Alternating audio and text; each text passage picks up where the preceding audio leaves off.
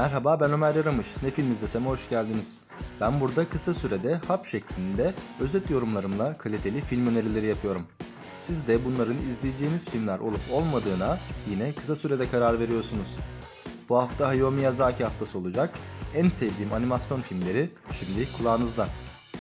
Listemde 3. sırada yer alan Rüzgarlı Vadi ile başlıyoruz. Bu filmde zehirli gazların ve bitkilerin bulunduğu arazilerden oluşan, insanların birbirinden uzak kasabalarda yaşadığı apokaliptik bir dünya görüyoruz. İnsanların savaşın ardından neredeyse yok olduğu bu dünyada hala birbirleriyle savaştıkları, hırslarının ne olursa olsun yok olmayacakları anlatılıyor. Savaşın etkileri net bir şekilde gözümüzün önünde olsa da kendi sonumuzu getirene kadar durmayacağımız, düşman gördüklerimizle savaşırken aslında hepimizin olan bu dünyaya zarar veriyor olmamızı fark edemeyişimiz, kazansak bile sonunda kazanacak bir şeyin kalmıyor olmasını umursamıyor olmamız. Miyazaki'nin bu filmde bize anlatmaya çalıştığı şeylerden. Görsel olarak da gayet başarılı olan Rüzgarlı Vadi'yi kesinlikle izleyin. Her izlediğinizde yeni anlamlar çıkacaktır. Ben de hala bu durum söz konusu. İkinci sırada ise Prenses Mononoke var. Fantastik bir dünyaya sahip olan Prenses Mononoke, doğayla iç içe büyüyen bir prenses ve insanların içinden gelen bir prensin karşılaşmasıyla hikayeyi başlatıyor. Doğayı emeli için kullanmak isteyen ve doğaya saygı duymamasıyla ünlü insanoğlunu sevmeyen, kendine de doğayla bütünlemiş olan Mononoke, bu insan prense karşı sert tepkilerle çıkışıyor. Bu esnada biz de anlamamız gerekenleri duyuyoruz.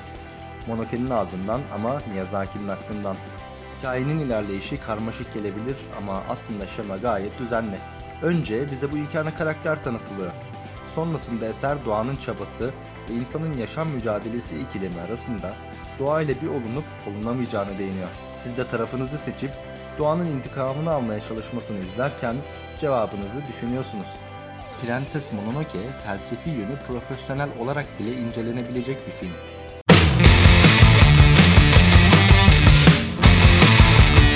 Ve favori Miyazaki filmi Gökteki Kale İşlenen mitoloji, yok olan bu uygarlığın hala o anki insanlıktan üstün seviyede olması, belki de bu kadar geliştikleri için yok olmaları.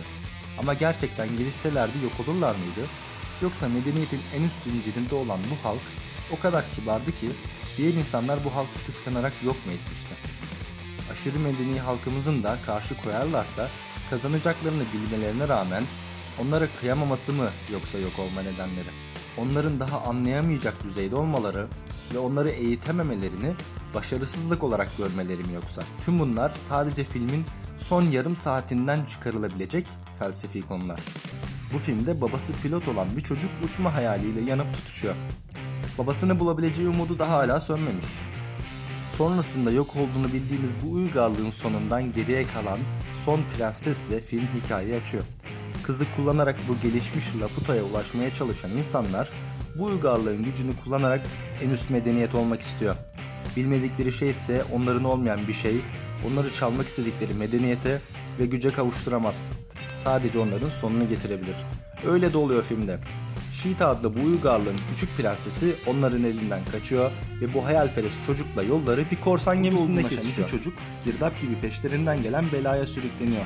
Neyse ki korsan gemisinde aile gibi yakın oldukları mürettebat onların yardımına koşuyor. Aksiyon, hikaye anlatımı ve görsel boyut anlamında şölen olan Gökteki Kaleyi kesinlikle izlemelisiniz. Bu haftalık bu kadar. Ben Ömer Yaramış. Bir daha görüşene dek bir dizi, film ve de müzik keşfetmeyi, günlük rutinlerinizden çıkıp arada gökyüzüne bakmayı da unutmayın.